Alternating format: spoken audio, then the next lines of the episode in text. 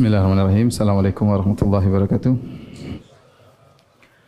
Alhamdulillahi ala ihsani wa syukru lahu ala taufiqihi wa amtinani. Asyhadu an la ilaha illallah wahdahu la syarika lahu ta'ziman li sya'ni. Wa asyhadu anna Muhammadan abduhu wa rasuluhu da'ila ridwani. Allahumma salli alaihi wa ala alihi wa ashabihi wa ikhwani. Hadirin dan hadirat. Uh, kita lanjutkan bahasan kita. Sebelum kita membahas sifat Ar-Rahmah, kemarin ada satu sifat yang tertinggal yaitu sifat uh, yaitu firman Allah yang terakhir yang disebutkan oleh Ibn Taimiyah wa huwal ghafurul wadud ya. Sudah kita singgung kemarin ya firman Allah Subhanahu wa taala wa huwa al-ghafurul wadud ya. Al-wadud sudah kita singgung pada pertemuan kemarin ada dua pendapat atau tiga pendapat ada yang mengatakan al-wadud ya. Ya ada khilaf maknanya. Ada yang mengatakan al-wadud artinya yaitu uh, al-wad yaitu yang mencintai. Ada yang mengatakan al-wadud sama dengan al-maudud yaitu yang dicintai. Pendapat yang ketiga mengatakan al-wadud ya mencakup kedua-duanya. Mencakup kedua-duanya. Bisa mencintai, bisa di, dicintai ya. Allah juga berfirman innalladzina amanu wa amilus solihat sayaj'alu lahumur rahman wudda innal ladzina amanu amanu wa amilus salihat di akhir dari surat Maryam.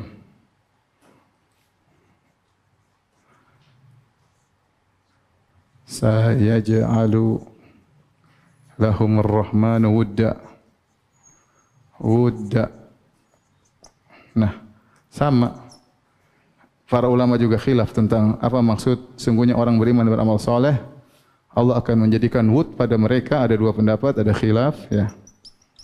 Ada yang mengatakan, ya Allah akan mencintai mereka.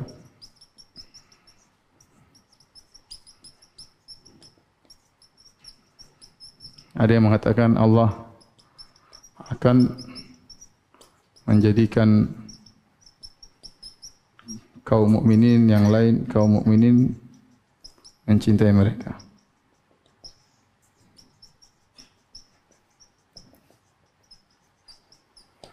Demikian juga dalam firman-Nya Inna Rabbi Rahimun Wadud ya dalam ayat yang lain Inna Rabbi ya Inna Rabbi perkataannya Nabi Shu'aib Rahimun Wadud. Ini beberapa ayat yang berkaitan dengan sifat Al-Wadud. Sekarang kita membahas tentang sifat Al-Ghafur yaitu Al-Ghufran ya. Sifat Al-Maghfirah. Al-Maghfirah uh, datang nama-nama Allah dengan tiga nama ya. Nama-nama Allah ada tiga. Ada Ghafir Ghafiru Dzam di awal surat di surat Ghafir kemudian Al-Ghafur kemudian Al-Ghaffar. Innahu kana ghaffara. Yang ini sifat mubalaghah sifat mubalaghah. Maknanya maknanya Allah Maha pengam, Maha mengampuni dosa-dosa hamba sebanyak apapun berulang-ulang sebesar apapun. Salah seorang penyair dikatakan Abu Nawas dia berkata, "Rabbi in alimtu eh, in azumat dunubi kasratan wa qad alimtu bi anna afwaka a'zamu." Yang artinya ya Rabbku, meskipun aku tahu dosaku sangat banyak tapi aku tahu ampunanmu lebih luas daripada dosa-dosaku. Allah mengatakan Inna rabbaka wasi'ul maghfirah. Sungguhnya Rabbmu ampunannya sangat sangat luas. Adapun makna al-maghfirah al-maghfirah ya. Al-maghfirah secara bahasa diambil dari al-mikfar. Mikfar. Mikfar artinya helm yang dipakai oleh prajurit ya. Dan fungsi daripada helm tersebut, helm prajurit Fungsinya ada dua, fungsinya adalah menutupi siter melindungi wiqayah melindungi siter dan al-wiqayah. Oleh karenanya kata Ibn Taimiyah dan juga Ibn Al-Qayyim rahimahullah ta'ala, tidak semua penutup kepala disebut dengan mikfar. Contohnya songkok, kolan sua tidak disebut dengan mikfar. Karena dia menutupi tapi tidak melindungi dari pedang musuh. Demikian juga sorban imamah tidak dikatakan mikfar. Yang dikatakan mikfar kalau uh, seorang memakai tutup kepala yang kuat yang dipakai oleh prajurit. Karenanya tatkala seorang mengatakan Rabbi gufirli maknanya dua ya Allah ampunilah aku ya, ya Allah tutuplah aibku dan lindungilah aku dari dampak maksiatku. Jadi kalau orang mengatakan Rabbi gufirli maksudnya selain dia minta diampuni dia minta agar aibnya ditutupi di dunia maupun di akhirat dan dia minta agar dampak dari maksiat yang dia lakukan tidak dia rasakan tidak mengenai dia karena makna maghfirah artinya talab sitr wal wiqayah itu maksudnya dari al maghfirah para ulama membahas apa bedanya al ghafur dengan al afu ya apa bedanya apa beda Al-Ghafur dengan Al-Afu. Al-Ghafur Maha Pengampun, Al-Afu juga Maha Pengampun. Ada khilaf di kalangan para ulama ada yang mengatakan bahwasanya Al-Ghafur lebih luas daripada Al-Afu, ada yang sebaliknya Al-Afu berpendapat Al-Afu lebih luas daripada Al-Ghafur. Al-Afu ya kalau disebut sendirian mencakup Al-Ghafur. Al-Ghafur kalau disebut sendirian mencakup Al-Afu. Tapi kalau di gabungkan maka al-afu mengatakan berkaitan dengan dihapusnya dihapusnya catatan catatan kemaksiatan. Ya dihapuskan Allahumma innaka afun tuhibbul afwa. Afwan tapi ada khilaf dengan para ulama tentang perbedaan antara Al-Ghafur sama Al-Afu. Di sini kata para ulama tatkala digandengkan antara Al-Ghafur dan Al-Wadud menunjukkan orang orang yang bermaksiat lalu bertobat.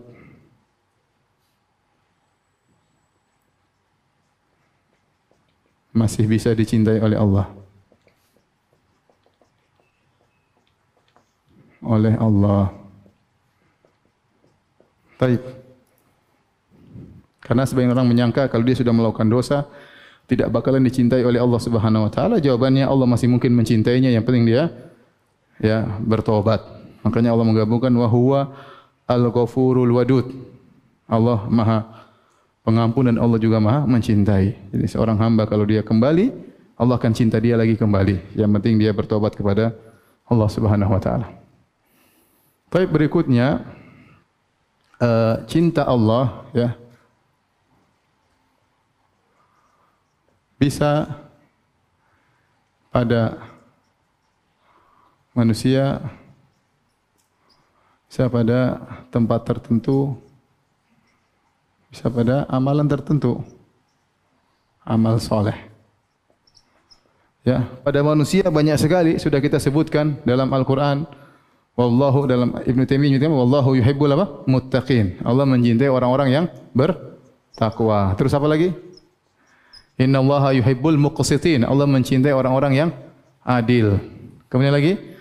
Wa ahsinillaha yuhibbul muhsin. Allah mencintai orang-orang yang berbuat ihsan. Sabirin ada tidak? Adanya wallahu ma'as sabirin. Wallahu yuhibbus sabirin. Coba lihat ada enggak di Al-Qur'an? Ada enggak? Wallahu yuhibbus sabir. Lihat, ada enggak? Enggak ada yang punya searching. Hmm?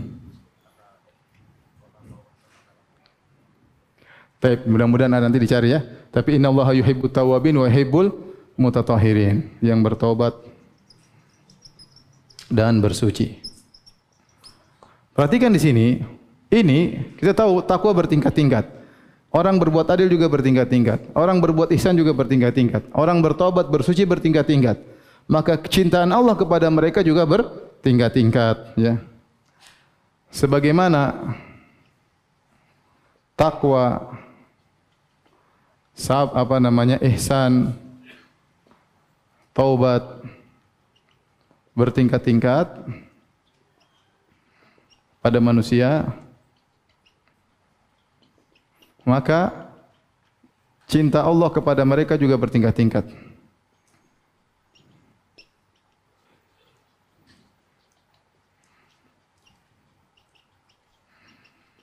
Tentu Allah lebih mencintai orang yang selalu mensucikan dirinya, selalu berwudu, jaga wudu. Lebih Allah cintai daripada orang berwudu jarang-jarang.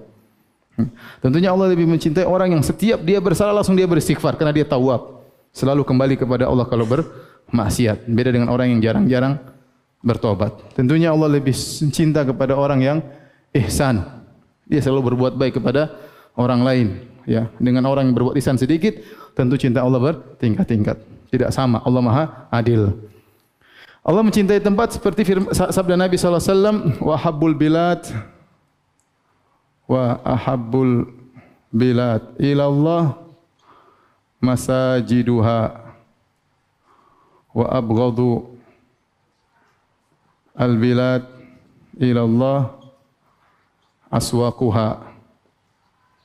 Kata Nabi wasallam, tempat yang paling dicintai oleh Allah masjidnya.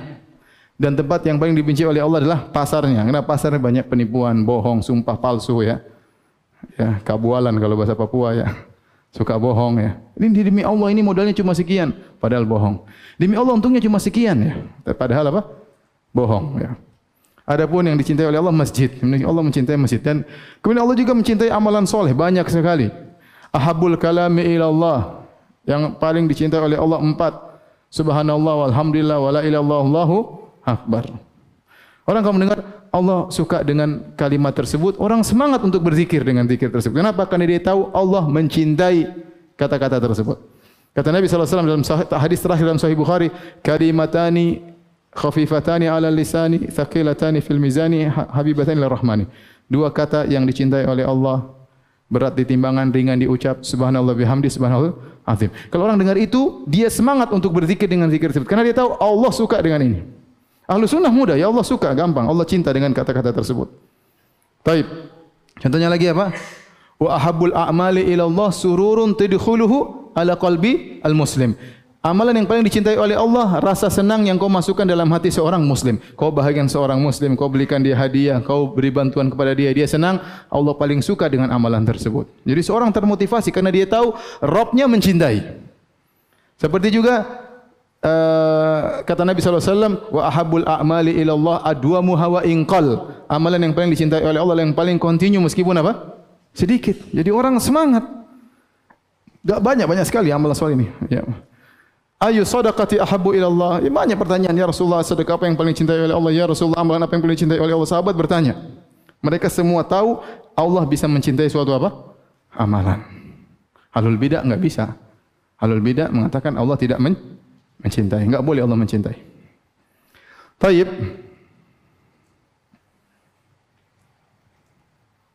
Selanjutnya.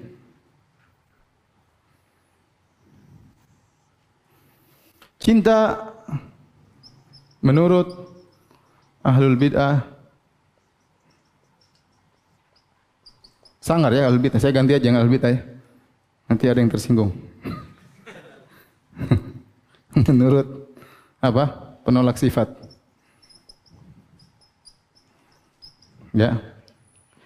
Terutama Asy'ariyah, mereka takwil, ditakwil, ditakwil ada yang ditakwil kepada sifatul kalam dibawakan. Sifat al-kalam Maka kata mereka al-mahabbah sama dengan as-sana yaitu Allah memuji hambanya. Atau dibawa kepada dibawa kepada dibawa kepada sifat al-iradah. Al-iradah. Sehingga kata mereka al-mahabbah mahabbatullah sama dengan iradatu as-sawab. Iradatu sawab. Atau mereka mengatakan al-isabah. Mereka bilang al-isabah. Kenapa? Karena otak mereka hanya terima sifat cuma tujuh. Ya sebagaimana sudah kita bahas. Ya ada apa sifat yang tujuh? Al-hayat, as-sama, wal-basar, apa terus? Wal kalam, kemudian al-iradah, al-qudrah, al-ilm. Itu saja yang masuk dalam otak mereka. Sifat Allah cuma berapa? Tujuh. Makanya kalau sifat-sifat yang lain yang tidak masuk akal otak mereka, mereka bawakan kepada makna yang masuk akal. Oh, kalau mahabbah berarti sana Allah yusni, Allah memuji. Memuji berarti kalam, tidak ada masalah. Kemudian dia bawa kepada sifat al-iradah. Al-mahabbah maksudnya iradatus sawab. Taib, kenapa kamu tidak mau mengartikan mahabbah dengan cinta? Oh, enggak boleh. Karena cinta itu adalah apa dalil mereka?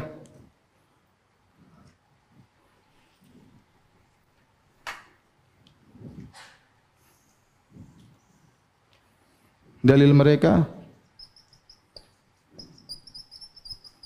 menolak sifat al-mahabbah. Pertama kata mereka, mahabbah cinta menunjukkan kecondongan hati. Repot kecondongan hati, ada condong Allah condong punya hati dan macam-macam. Bantah, bantahan, apa bantahannya?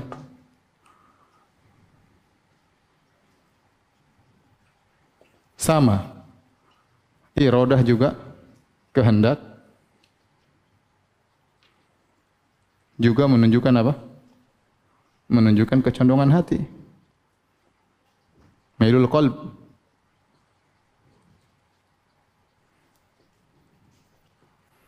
Paham? Terus apa ya? Kalau gitu ente tolak mahabbah, tolak juga sifat apa? Iradah. Iradah sama kecondongan hati. Terus ah itu itu iradahnya Manusia iradahnya Allah beda. Kita bilang sama juga. Itu mahabbahnya manusia, mahabbahnya Allah apa? Beda. Kata jawaban mereka. Jawaban mereka. Itu sih iradahnya siapa? Manusia. Yang begitu. Kita jawab apa? Bantahan? Sama. Itu sih mahabbahnya siapa? Manusia. Yang ada kecondongan hati. Sudahlah. Nanti mau lari kemana? Sudah, nanti kalau konsekuen tolak semuanya. Paham? Baik. Dalil mereka yang kedua, kata mereka, Al-mahabbah taqtadi al-mula'amah. Yaitu cinta berkonsekuensi berkonsekuensi adanya kesamaan. Ya, ada kecocokan, kesamaan. Saya cinta sama antum, berarti antum ada dengan saya. Saya cinta sama istri saya, ada sama manusia dan yang lainnya. Kita bilang bantahannya tidak harus demikian. Bantahan itu tidak lazim. Ya. Bukankah kita cinta suka sama kucing. Atau apa HP atau mobil. Memang kita kayak mobil. Tapi kalau sudah tolong dihapus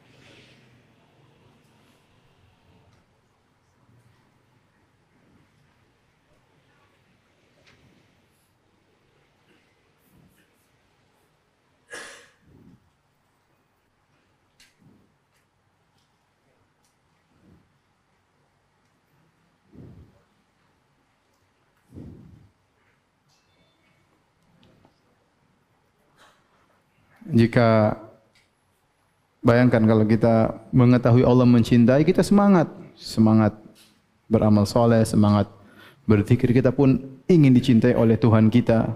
Tapi kalau kita bilang cinta tidak ada, Allah tidak mencintai. Dalam ayat banyak sekali itu bukan maksudnya mencintai, itu maksudnya berkehendak. Baik, apakah Allah tidak bisa mengungkapkan dengan kata berkehendak? Apa susahnya bagi Allah? Tatkala Allah mentakbir dengan mencintai, ya berarti ada makna khusus tidak sama dengan apa? Iradah. Jadi kalau kita takwil menghalangi seorang dari kelezatan ibadah, menghalangi seorang dari mengenal Robnya, karena dia menyangka Robnya tidak akan mencintai dia. Tapi beda tatkala dia menyangka Rob bisa mencintai apa? Hambanya. Dia akan semangat. Ya, wala yazalu abdi yataqarrabu ilayya bin nawafil hatta uhibba kata nabi senantiasa hambaku mendekatkan dirinya kepadaku sampai aku mencintainya tapi kalau ditakwil senantiasa hambaku mendekatkan dirinya kepadaku sampai aku menghendaki kebaikan baginya. Apa istimewanya? Paham seandainya mahabbah ditakwilkan dengan menghendaki kebaikan coba. Beda. Nuansanya beda rasanya beda. Wala yazalu abdi yataqarrabu ilayya bin nawafil hatta uhibbahu fa idza ahbabtuhu. Senantiasa hambaku mendekatkan dirinya dengan apa yang perkara-perkara sunnah sampai aku mencintainya. Jika aku sudah mencintainya, aku menjadi pendengarannya, penglihatannya. Tapi kalau dia takwil, coba. Senantiasa hambaku mendekatkan dirinya kepadaku dengan perkara-perkara yang sunnah sampai aku pun ingin kebaikan baginya. Ya beda rasanya. Jika aku menghendaki kebaikan baginya, beda. Jadi rasanya beda. Taib. Sekarang kita masuk pada sifat yang baru sifat ar-rahmah ya. Sifat ar-rahmah.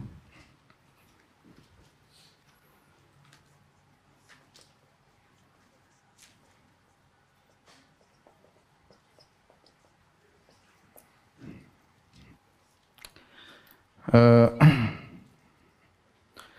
di sini Ibn Taimiyah rahimahullah taala membawakan banyak ayat seperti Bismillahirrahmanirrahim dengan nama Allah yang Ar-Rahman dan Ar-Rahim.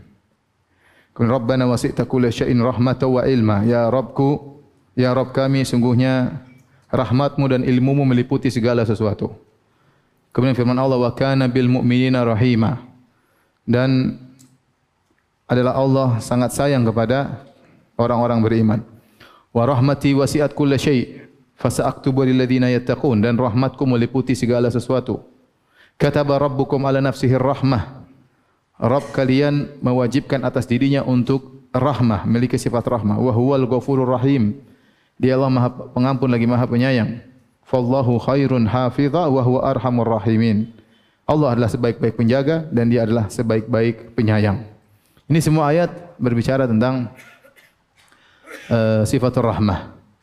Sifat rahmah ya, menurut Ahlussunnah wal Jamaah adalah kasih sayang ya. Allah menyayangi hamba-hambanya ya dan ini termasuk sifat fi'liyah ya. Terkadang Allah menyayangi terkadang Allah tidak menyayangi ya. Iya sya yarhamkum atau iya sya yu'adzibukum. Terkadang Allah berkehendak Allah menyayangi kalian. Kalau Allah berkehendak Allah akan mengazab kalian Taib Ibn Taimiyah membuka dalilnya dengan bismillahirrahmanirrahim Ar-Rahman Ar-Rahim Dua-duanya Ar-Rahman dan Ar-Rahim kembali kepada Ar-Rahmah. Ya. Ar-Rahmah. Uh, kasih sayang. Ya. Tapi kalau Indonesia kita terjemahkan Maha Pengasih lagi Maha Penyayang. Padahal sama saja Maha Rahmah, Maha Rahmah. Apa bedanya Ar-Rahman dan Ar-Rahim? Ada khilaf. Ya. Beda. Apa bedanya? Ar-Rahman dan Ar-Rahim. Jelas beda kan? Beda. Makanya ada orang namanya Abdul Rahman dan namanya Abdul Abdul Rahim. Kalau sama ya repot. Khilaf. Pendapat pertama. Pendapat pertama. Ar-Rahman umum di mana kasih sayang Allah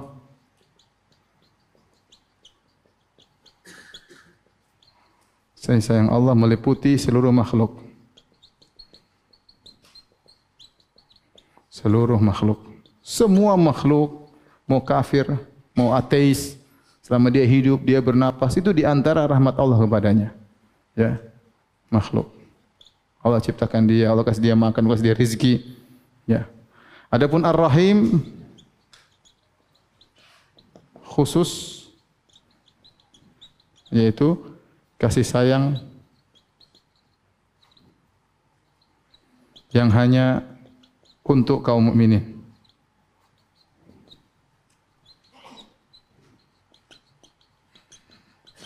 Ini banyak ulama berkata demikian. Karena Allah berfirman, "Wa kana bil mu'minina rahimah."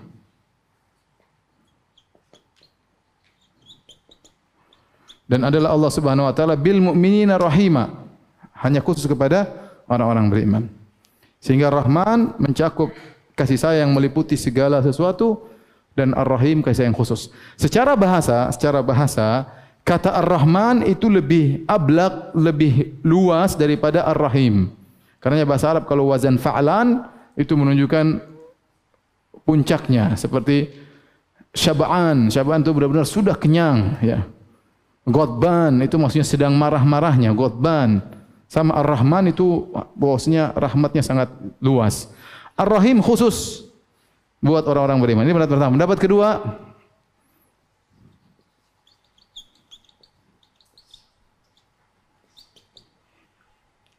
Ar-Rahman menunjukkan sifat pada zat Allah. Itu kasih sayang sangat luas.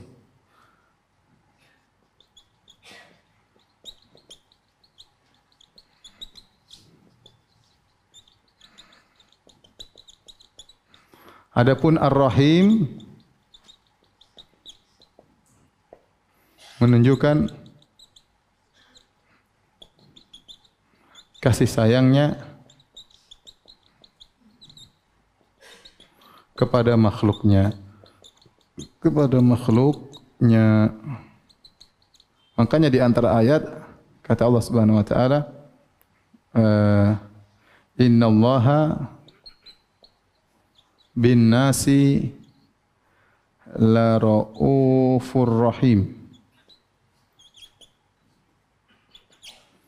Sungguhnya Allah sangat rauf dan rahim kepada manusia. Padahal manusia di sini umum, umum mencakup orang-orang kafir juga. Dan inilah pendapat Ibnu Qayyim rahimahullah dalam kitabnya Badail Fawaid. Ini pendapat Ibnu Qayyim rahimahullah taala. Ini pendapat yang lebih kuat, pendapat kedua, bahwasanya Ar-Rahman adalah berkaitan dengan sifat zat rahmat Allah dalam zat Allah dan Ar-Rahim berkaitan dengan sifat rahmat Allah yang mengenai apa? hamba-hambanya ya. Ini dua pendapat. Ya, dua-duanya ada salafnya, tapi yang lebih kuatlah pendapat yang kedua wallahu taala a'lam. Baik. Pembahasan berikutnya ya. Rahmat Allah ada dua ya. Ada dua. Yang pertama, rahmat Allah yang merupakan sifat Allah. Sifat pada zat Allah. Makanya Allah mengatakan Ar-Rahman. Ar-Rahman itu zat Allah memiliki rahmat. Yang kedua, rahmat yang Allah ciptakan.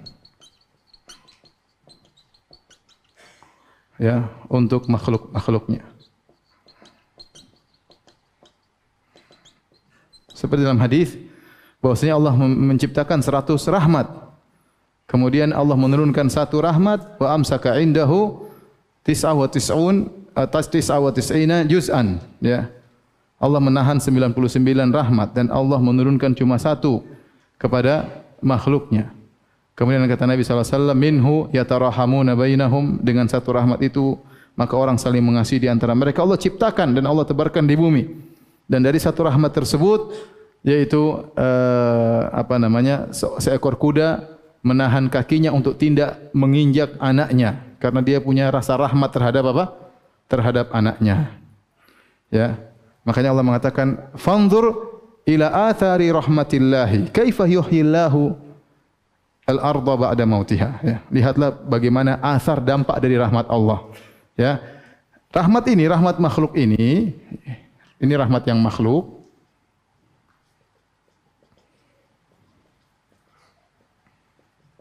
Ya. Merupakan dampak dari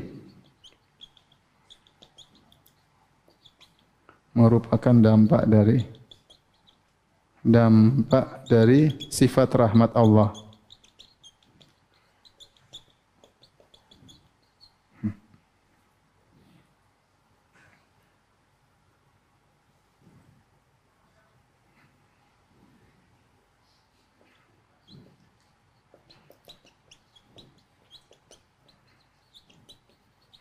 Dalam surat Ar-Rum, fanzur ila athari rahmatillah lihatlah kepada dampak dari rahmat Allah Subhanahu wa taala.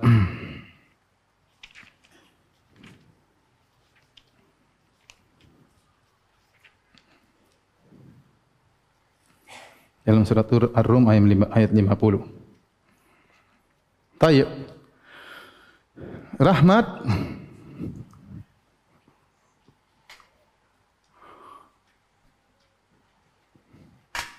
sifat rahmat menurut sifat rahmat menurut kelompok-kelompok.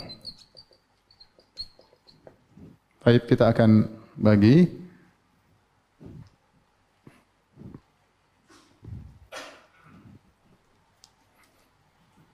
Yang pertama, menurut ahlu sunnah.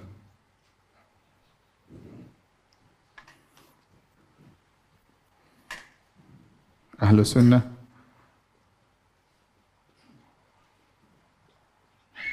Kemudian yang kedua menurut jahmiyah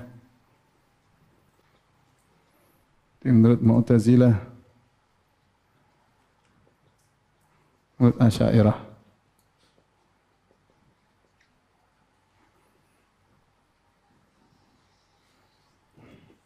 Adapun menurut ahlu sunnah wal jamaah, maka sifat rahmat adalah sifat yang hakiki sifat rahmat adalah sifat yang hakiki. Seperti kita kaidah kita, kita tidak tahu bagaimananya. Pokoknya kita paham sifat rahmat itu kita apa? Paham. Tapi bagaimananya enggak usah tanya bagaimana dalam zat Allah itu bukan urusan apa? Bukan urusan kita, paham? Ya. Baik. Dalilnya banyak ya. Dalilnya rahmat datang dalam beberapa rahmat datang dalam beberapa bentuk.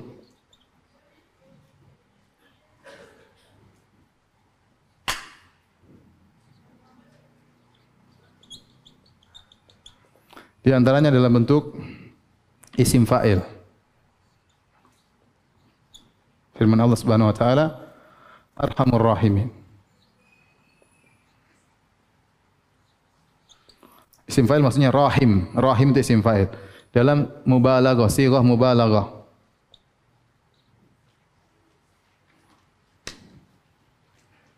Dalam bentuk mubalaghah, ya.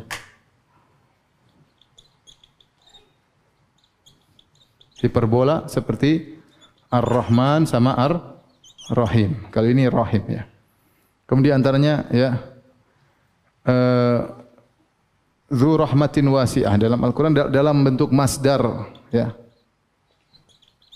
Coba saya cek.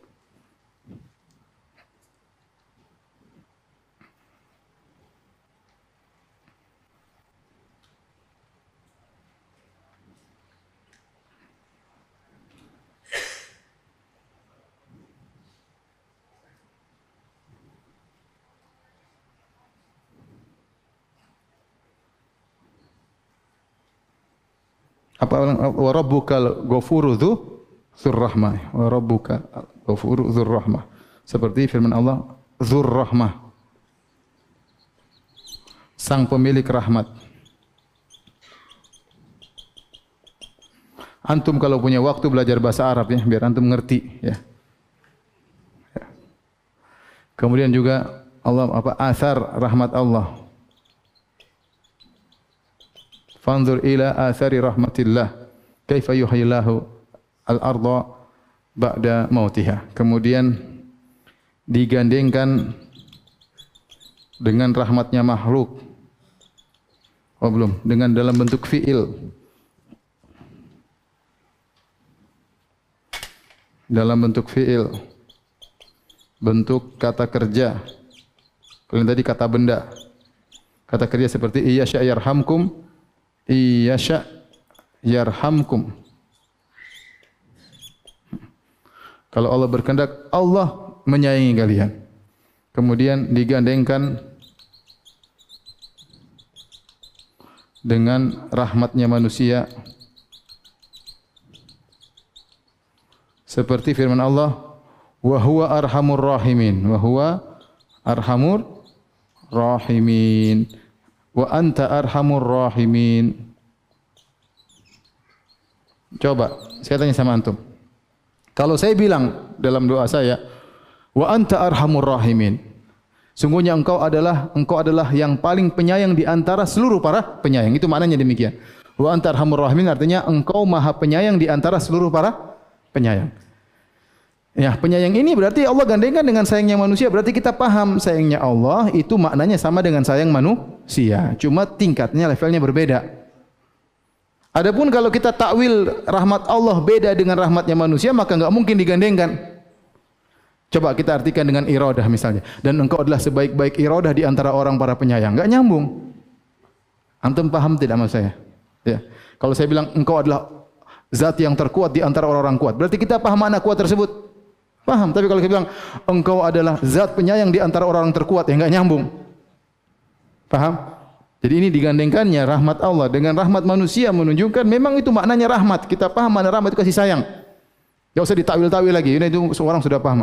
Arhamur rahimin, engkau yang paling maha penyayang di antara para penyayang. Sayangnya Allah sama dengan sayang manusia dari sisi makna. Levelnya berbeda. Sama kuatnya Allah sama dengan kuat manusia. Kita paham atau tidak? Paham tapi levelnya ber, berbeda seperti itu. Susah sekali takwil-takwil. Oh, gini semua sudah banyak mau ditakwil lagi. Kemudian juga sabda Nabi SAW ini diantaranya. Lallahu arham. Hadis Nabi. Lallahu arhamu bi ibadihi. Dan seterusnya. Min hadihi bi waladiha. Kata Nabi SAW ketika para sahabat sedang berkumpul, sedang bersama Nabi, tiba-tiba Nabi melihat seorang wanita sedang kehilangan anaknya.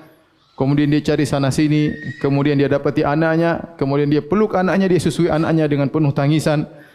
Dan itu adalah kasih sayang yang paling tertinggi di alam semesta. Kasih sayang seorang ibu terhadap anak. Lebih daripada kasih sayang bapak terhadap anak. Lebih daripada kasih sayang anak terhadap bapak. Anak terhadap terhadap ibu. Kasih sayang terbesar di dunia ini adalah kasih sayang seorang ibu terhadap siapa? Anak. Terlebih lagi anaknya baru hilang. Anaknya baru hilang, dia cari enggak dapat-dapat. Begitu dia dapat, inilah kasih sayang ibu yang terbaik di antara seluruh ibu-ibu yang ada. Kenapa? Dia baru kehilangan anaknya, cari sana sini menangis. Begitu dia dapat, dia dekap anaknya, saat itu kasih sayangnya sedang tinggi-tingginya levelnya. Itu tidak? Biasanya dia sayang sama anaknya, tapi anaknya baru hilang, kemudian dia dapat luar biasa level kasih sayangnya tersebut. Maka Nabi melihat pemandangan tersebut, Nabi berkata, "Lallahu arhamu bi ibadihi min hadhihi bi waladiha." Atarawna anna hadhihi taridatan wa dala fi nar. Apakah menurut kalian ibu ini akan melemparkan anaknya di api? Kata para sahabat, "Tidak mungkin ya Rasulullah." Kata Rasulullah, "Allah lebih sayang kepada hambanya daripada ibu ini terhadap apa? Anaknya." Yang Allah bandingkan rahmat atau bukan? Sama-sama rahmat. Kalau rahmatnya Allah maknanya beda, enggak mungkin dibandingkan dengan rahmat manusia. Faham tidak? Justru Allah justru Nabi bandingkan supaya ente paham rahmat yaitu hakikatnya bukan ditakwil-takwil. Bukan Allah mengatakan sungguhnya Allah berkehendak kebaikan lebih rahmat lebih enggak nyambung. Allah sedang bicara rahmat, sahabat sedang melihat rahmat ibu terhadap anaknya kata Allah, kata Nabi, Allah lebih rahmat. Ya berarti rahmat yang dimaksud sama. Cuma levelnya ber, berbeda. Susah gampang sekali akidah Ahlussunnah wal Jamaah. Nah, coba kita lihat Jahmiyah gimana? Coba lihat Mu'tazilah, coba Asy'ariyah. Menurut Jahmiyah, ya, semua rahmat rah adalah makhluk. Allah enggak punya sifat rahmat karena karena mereka menolak sifat sifat Allah Subhanahu wa taala. Allah tidak punya sifat semua rahmat bicara itu semuanya sifat rahmatnya. Jadi kalau bilang Ar-Rahman, Ar-Rahman maksudnya sama dengan Al-Marhum. Yang mencintai maksudnya maksud Allah yang di dicintai. Allah berbicara tentang sedang yang dicintai. Allah tidak Allah tidak merahmati yang dirahmati maksudnya. Semua yang dibahas sifat semua ditakwil kepada maf'ul. Kepada objek. Allah sendiri tidak memiliki sifat apa? Rahmat. Jadi semua rahmat ditakwilkan kepada maknanya objek itu makhluk. Mumat atau tidak? Mumat ya. Mu'tazilah ya. Kata mereka rahmat Allah hanyalah majas. Maksudnya maksudnya adalah in'am, al-in'am yaitu memberi kenikmatan, memberi karunia. Kalau begitu, Ar-Rahman sama dengan Al-Mun'im. Al-Mun'im yaitu zat pemberi kenikmatan, yaitu zat pemberi anugerah. Tidak ada namanya sifat rahmat. Itu namanya majas. Datang rahmat maksudnya in'am. Datang rahman maksudnya al-mun'im. Mereka menggunakan apa? Majas. Kata mereka ini semuanya majas. Asyairah ditakwil. Asyairah pakai apa? Kalau Mu'tazilah pakai majas, Asyairah pakai apa? Takwil. Apa itu rahmat maksudnya iradatul in'am rahmat sama dengan iradatul in'am. Jadi mereka membawakan kepada makna apa? Iradah. Paham karena yang mereka di otak mereka sifat cuma tujuh. Cuma apa? Hayat sama hidup mendengar melihat berbicara kehendak iradah ilmu sama kudrah. Itu aja. Selain itu enggak ada. Ini kita enggak terima sifat ini. Mau takwil ke mana? Takwil ke ke kudrah enggak nyambung. Takwil ke ilmu enggak nyambung. Yang paling cocok takwil kepada iradah, berkehendak untuk memberi anugerah. Rahmat maksudnya berkehendak memberi anugerah. Memberi anugerah.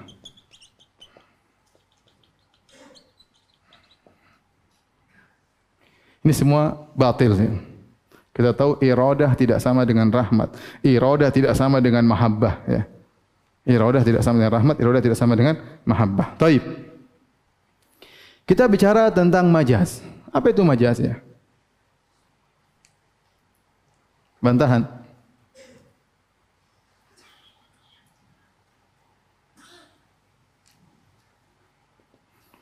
Majas, ya. Majas sebenarnya ada majas ada dua ya. Itu pada sifat-sifat Allah dan yang gaib, hal-hal gaib. Yang kedua pada selain itu ya. Kalau pada selain yang gaib, perkaranya lebih ringan. Ini masalah khilaf tentang masalah apakah disebut majaz, apa disebut dengan uslub berbahasa. Tapi masalahnya tatkala majaz digunakan pada sifat-sifat Allah dan hal yang gaib. Kenapa ente butuh majaz? Kenapa? Karena otak mereka tidak bisa menerima sifat-sifat yang gaib ini. Sehingga Mu'tazilah mengatakan timbangan, oh itu majaz. Ya.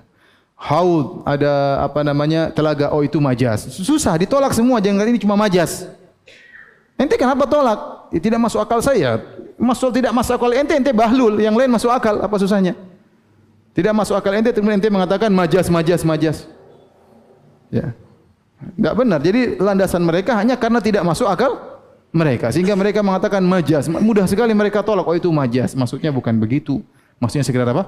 Majas. Ya. Majas kalau kita bicara selain pada sifat-sifat Allah dan sahal gaib, enggak ada masalah. ya. Karena mungkin kita bisa pikirkan, mungkin bisa kita renungkan. Sangat zahir ya.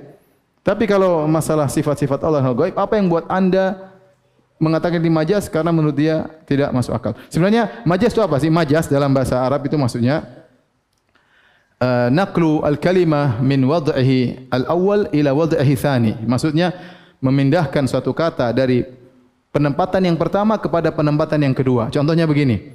Kata singa pada asalnya adalah untuk hewan yang berambut panjang dan berjenggot panjang yang sangar. Itu namanya apa? Singa, hewan buas ya. Kemudian kita bilang, ih manusia ini singa. Manusia apa? Singa. Berarti kalau kita bilang singa pada manusia maksudnya apa? Majas. Maksudnya serem itu maksudnya. Itu namanya majas. Kalau itu dalam dalam bahasa bukan masalah gaib, mungkin mungkin enggak ada masalah. Tetapi ini pun dikritiki oleh para ulama. Dari mana kamu tahu bahwasanya kata singa itu asalnya buat hewan? Dari mana? Apakah pernah ada konferensi para ahli bahasa mengatakan, "Hei manusia sekalian, ini peletakan pertama. Kalau ada gunakan singa pada manusia itu peletakan kedua, maka bilangnya apa? Majas." Faham? Itu tidak pernah terjadi. Bisa jadi sejak awal orang Arab sudah paham singa kalau kepada hewan maksudnya begini, kalau kepada manusia maksudnya orang seram misalnya. Tidak dikatakan majas ya, maksudnya begitu. Ini istilah ya, istilah ada yang mengatakan majas, yang mengatakan metode bahasa Arab ya. Tapi intinya Ibn Taimiyah rahimahullah mengkritiki karena perkataan majas adalah perubahan dari peletakan pertama ke peletakan kedua sementara tidak pernah ada ulama yang bersepakat untuk menentukan ini peletakan pertama ini peletakan kedua itu tidak pernah ada. Bisa jadi sejak awal sudah langsung lima peletakan. Sejak awal bisa jadi tujuh peletakan. Mungkin antum tidak paham ya sudah lewati aja. Intinya ini sesat paham ya? Adapun takwil kenapa mereka mentakwil? Apa dalilnya takwil? Dalil takwil Takwil itu boleh kalau memang ada dalilnya, ada korinahnya. Tapi kalau enggak ada dalilnya, ada korinahnya enggak ada, maka kita tolak. Apa sebab antum mentakwil? Katanya karena dalilnya karena tasbih. Tas di menyamakan Allah dengan makhluk. Kalau kita bilang rahmat berarti rahmat Allah sama dengan rah makhluk. Rahmat itu berarti kelembekan hati dan lain-lain. Ah, kita bilang itu rahmatnya manusia. Bantahnya sama tadi seperti mahabbah. Terus ente takwil apa? Takwilnya iradatul in'am. Sama iradah juga kecondongan apa? Hati selesai. Tolak sekalian iradah. Subhanallah. Coba kalau semua ditakwil, ditakwil, ditakwil. Terlalu banyak ayat mau ditakwil, terlalu banyak sifat mau ditakwil. Kita bilang, apakah Allah tidak mampu menggunakan kata yang sesungguhnya? Kenapa harus banyak mau ditakwil? Mahabbah ditakwil, ini ditakwil, ditakwil. Kenapa Allah tidak langsung pasang iradah selesai? Kenapa bikin bingung? Umatnya. Kenapa bikin bingung hamba-hambanya? Makanya Ibnu Qayyim rahimahullah membantah untuk orang yang suka mentawil. Pertama, bukankah Nabi sallallahu alaihi wasallam ya lebih fasih bahasa Arab daripada kalian? Iya. Jawabannya tentu. Ya. Bukankah Nabi sallallahu alaihi wasallam pandai menyampaikan daripada kalian? Tentunya iya. Bukankah Nabi lebih semangat umatnya dapat hidayah daripada kalian? Iya, Nabi unggul daripada kita, Nabi lebih pandai bahasa Arab, Nabi lebih pandai menyampaikan dan ketiga Nabi lebih semangat agar kita dapat hidayah. Kenapa Nabi pakai teka-teki semuanya? Ya bu, maksudnya iradah ya, harus ditakwil ya. Ini maksudnya ini. Angkat tangan, oh bukan itu maksudnya. Semuanya ditakwil. Berarti Nabi tidak pandai menyam menyampaikan kalau begitu. Lebih baik orang tidak usah pakai Al-Quran, tidak usah pakai hadis. Kalau semua harus ditakwil. Paham? Itu bantahan gampang dari Ibnu Qayyim rahimahullah bahwasanya Nabi adalah orang yang paling pandai bahasa Arab, dia mampu membedakan antara mahabbah dengan iradah. Nabi mampu membedakan antara rahmat dengan apa? Iradah. Nabi mampu atau tidak? Mampu kita aja mampu apalagi Nabi wasallam. Apakah Nabi tidak pandai untuk mengungkapkan? Dia pandai daripada kita. Kenapa tidak dia ungkapkan? Apakah Nabi ingin buat teka-teki kepada umatnya? Ya, astagfirullah. Nabi ingin yang jelas kepada umatnya. Bukan bikin teka-teki sama umatnya suruh tebak-tebakan. Ini apa? Majas apa takwil? Enggak. Jadi yang benar rahmat Allah adalah sifat Allah yang hakiki. Tapi kalau sudah hapus.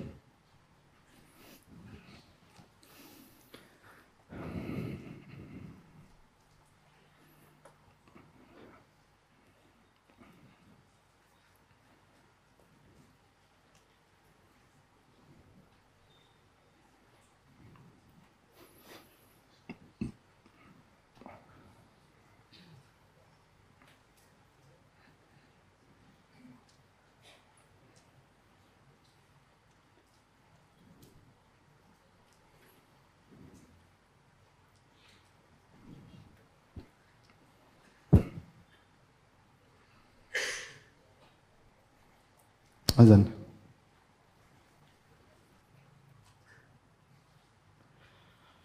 Hadirin dan hadirat hadirat subhanahu wa ta'ala, selanjutnya kita akan bahas bagaimana meraih rahmat Allah ya. Bagaimana dikasihi Allah. Ada dua cara. Yang pertama, dengan taat dan menjalankan perintah Allah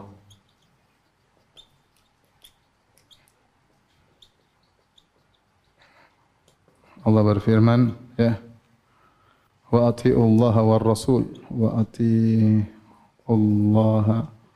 war rasul la'allakum turhamun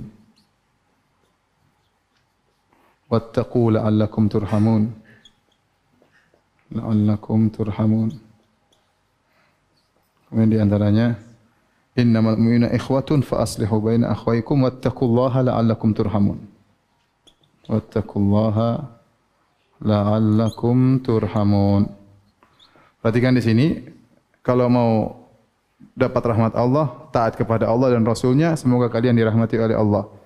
Bertakwalah, kemudian kalian akan dapat, dapat rahmat oleh Allah Subhanahu wa taala. Jadi, metode pertama untuk dirahmati oleh Allah, dikasih oleh Allah, taat kepada Allah. Sejauh mana seorang taat kepada Allah, sejauh itu dia akan dirahmati oleh Allah Subhanahu Yang kedua, dengan merahmati makhluk Allah, makhluk Allah.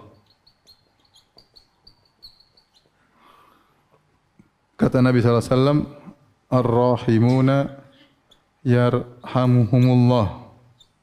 Irhamu man fil ard yarhamkum man fis sama." Ya.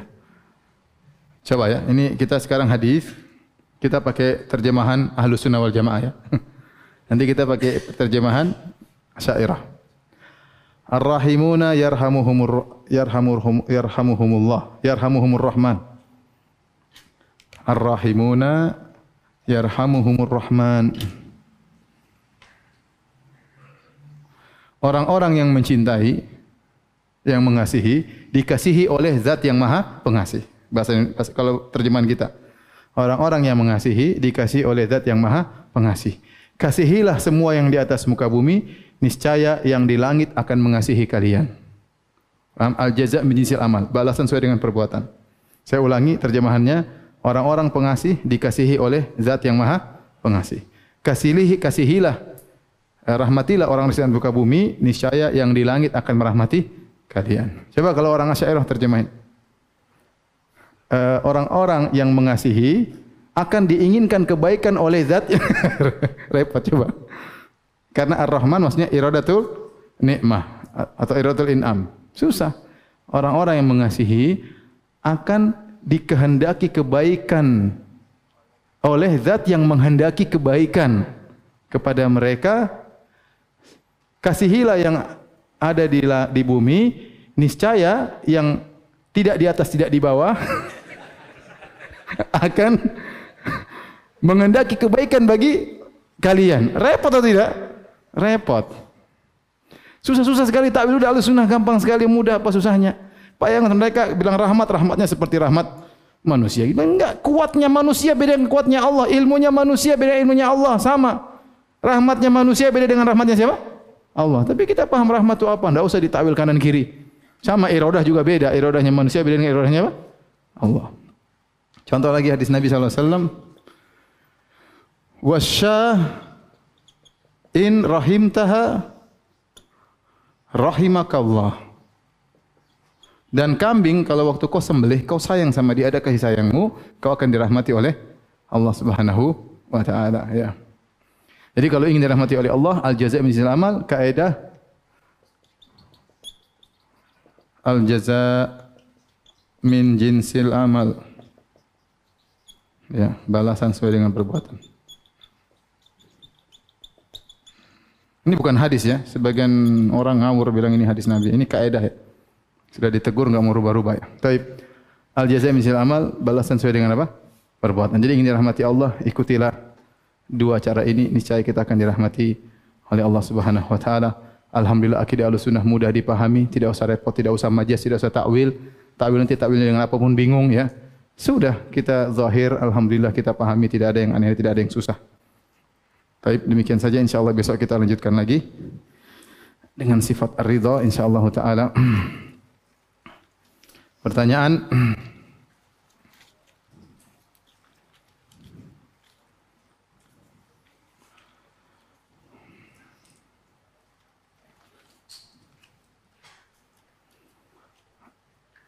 ketika solat Jumat dan azan sedang dikumandangkan, mana yang didahulukan? Menjawab azan atau solat tahiyatul masjid?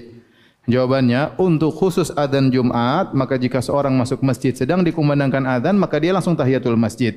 Tidak perlu menunggu azan selesai. Kenapa masalahnya? Karena kalau azan selesai, khotib langsung berkhutbah. Dan dia wajib mendengarkan apa? Khutbah. Sementara menjawab azan, hukumnya sunnah. Paham? Saya ulangi menjawab adzan hukumnya sunnah, mendengarkan khatib hukumnya apa? Wajib. Allah berfirman, "Fas'au ila dzikrillah." Segeralah kalian menuju zikrullah di antara tafsirannya adalah mendengarkan khutbah.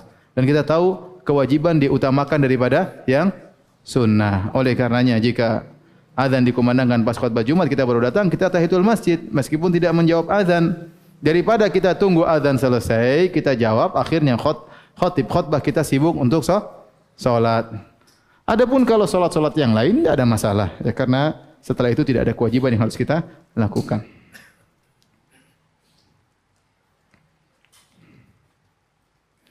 Apakah hukum melazimkan doa sebelum salam? Tidak ada masalah. Nabi SAW menyuruh untuk berdoa, untuk memilih doa yang dia kehendaki sebelum salam. Seorang ingin terus-terusan, tidak ada masalah. Selama dia tidak meyakini itu wajib misalnya. Ya. Sama, seorang melazimi solat sunnah, solat tahiyatul masjid, melazimi uh, solat qiyamul lail, enggak ada masalah tiap hari. Memang ada masalah, enggak ada yang penting dia tidak meyakini itu wajib. Apakah boleh memberi nama dengan Ar-Rahman atau Ar-Rah atau Rahmat? Kalau Ar-Rahman tidak boleh namanya kecuali hanya Allah Subhanahu wa taala. Tapi kalau Rahim boleh. Karena Nabi disifati juga dengan Rahim, ya. Bil mu'minina raufur rahim. Ya. Laqad ja'akum rasulun min anfusikum azizun 'alaihi ma anittum harisun 'alaikum bil mu'minina raufur rahim. Itu Nabi sallallahu alaihi wasallam sangat rahmat kepada uh, kepada umatnya. Adapun Ar-Rahman maknanya adalah memiliki uh, rahmat yang sangat luas, maka tidak boleh kecuali kepada Allah Subhanahu wa taala. Maka tidak boleh kita panggil orang Ar-Rahman. Ya, orang Indonesia repot disingkat-singkatnya. Abdurrahman dipanggil Man, Man. Rahman, Rahman. Saya ketemu orang uh, dia apa security dipanggil Rahman Rahman. Saya panggil nama antum siapa? Ada Abdulnya enggak? Ada. Ya sudah, saya panggil dia Abdul Rahman. Indah Abdul Rahman. Dipanggil cuma Rahman. Dipanggil Dur Dur Dur. Subhanallah. Abdul Rahman. Dan menakjubkan, saya sering sampaikan, menakjubkan di Arab Saudi, mereka kalau manggil tidak pernah disingkat. Kecuali ada kebutuhan tertentu dalam rangka untuk uh, bercanda dan yang lainnya. Tapi asalnya kalau mereka sesama mereka, mereka panggil dia lengkap. Ada orang namanya Abdurrahman, ya Abdurrahman, enggak ada man man dur dur enggak ada. Ya. Kalau namanya namanya sulit, Abdul Muhsin mereka panggil dia Abdul Muhsin, Abdul Muhsin, enggak pernah enggak pernah mereka singkat Muhsin atau Chin enggak pernah. Dan mereka ada nama agak berat Abdul Muhaimin, subhanallah. Saya dengar dia panggil ya Abdul Muhaimin lengkap. Dan mereka namanya cuma satu-satu, tapi mereka panggilnya lengkap Indonesia namanya tiga empat. Ya teman saya teman SMP namanya Tri Raharjo Topan Nusantara. Panggilnya empat nama, panggilnya Pan, subhanallah. Sudah namanya empat-empat panjang, panggilnya singkat. Terus buat apa dikasih nama panjang-panjang ya? Jadi pasang nama panjang-panjang manggilnya pelit. Tapi orang Indonesia gitu karena memang saling apa namanya sayang maka mereka punya tradisi seperti itu disingkat-singkat. Tapi kalau jangan sampai kita panggil orang dengan Rahman, tidak boleh. Ya, kita boleh singkat Dur, oke okay lah, tidak ada masalah. Ya, Dur atau man. Tapi kalau panggil rahman ya tidak boleh. Itu nama Allah Subhanahu wa taala ya. Sama orang Arab juga terkadang menyingkat untuk anak-anak seperti Abdurrahman mereka panggil Duhman. Ada singkatan. Itu untuk manggil waktu masih kecil ya. Tapi tidak dipanggil Rahman. Sama. Abdul Khalik saya ketemu supir namanya Khalik Masya Allah.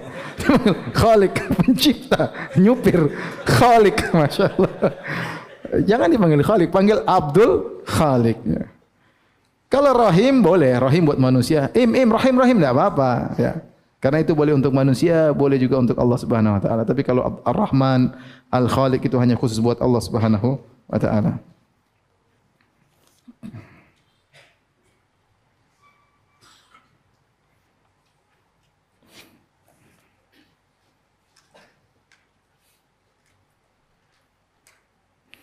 Ustaz doa Allah ma innaka afun afun tuhibul afwa fa'fu anni. Bolehkah kita baca tatkala sujud? Boleh, enggak ada masalah. Itu doa dianjurkan dibaca tatkala 10 hari terakhir terutama Lailatul Qadar tapi kita baca kapan saja boleh. Allahumma innaka afun tuhibul afwa fa'fu anni.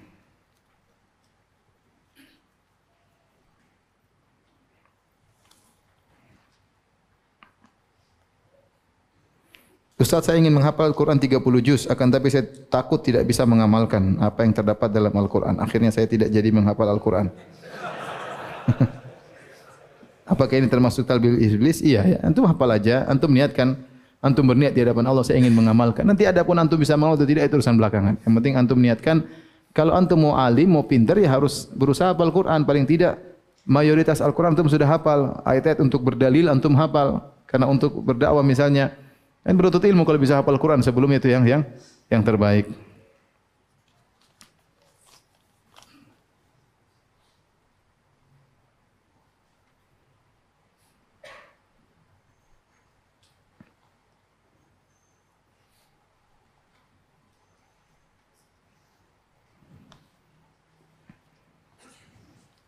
Berapa tahun yang lalu anak pernah bersumpah kepada beberapa orang yang anak kenal baik karena anak kehilangan barang berharga.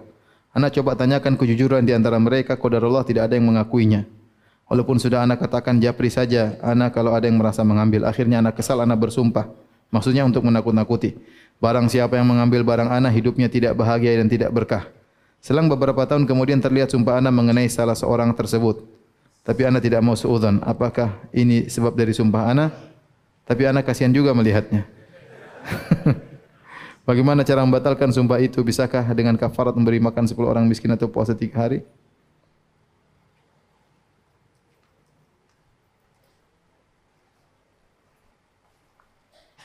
Allah alam ya, saya enggak tahu.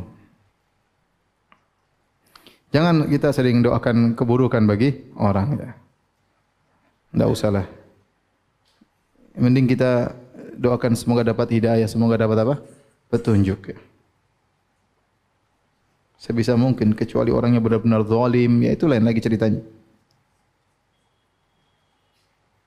Ustaz saya ingin merutinkan baca Al-Quran tiap hari namun ada kalanya saya tidak memiliki wudu. Bolehkah baca Quran dengan melihat mushaf tanpa wudu? Ya boleh. Baca Al-Quran boleh tanpa berwudu. Ya. Uh, ada pun yang khilaf misalnya orang junub maka itu ada khilaf di kalangan para ulama sebagian bolehkan sebagian tidak boleh. Demikian juga wanita haid, apakah boleh baca Quran? Sebagian ulama bolehkan, sebagian ulama tidak bolehkan. Saya lebih condong boleh, enggak ada masalah bagi wanita haid. Uh, tetapi yang khilaf di kalangan para ulama menyentuh Al-Quran. Itu khilaf di kalangan para ulama. Ya.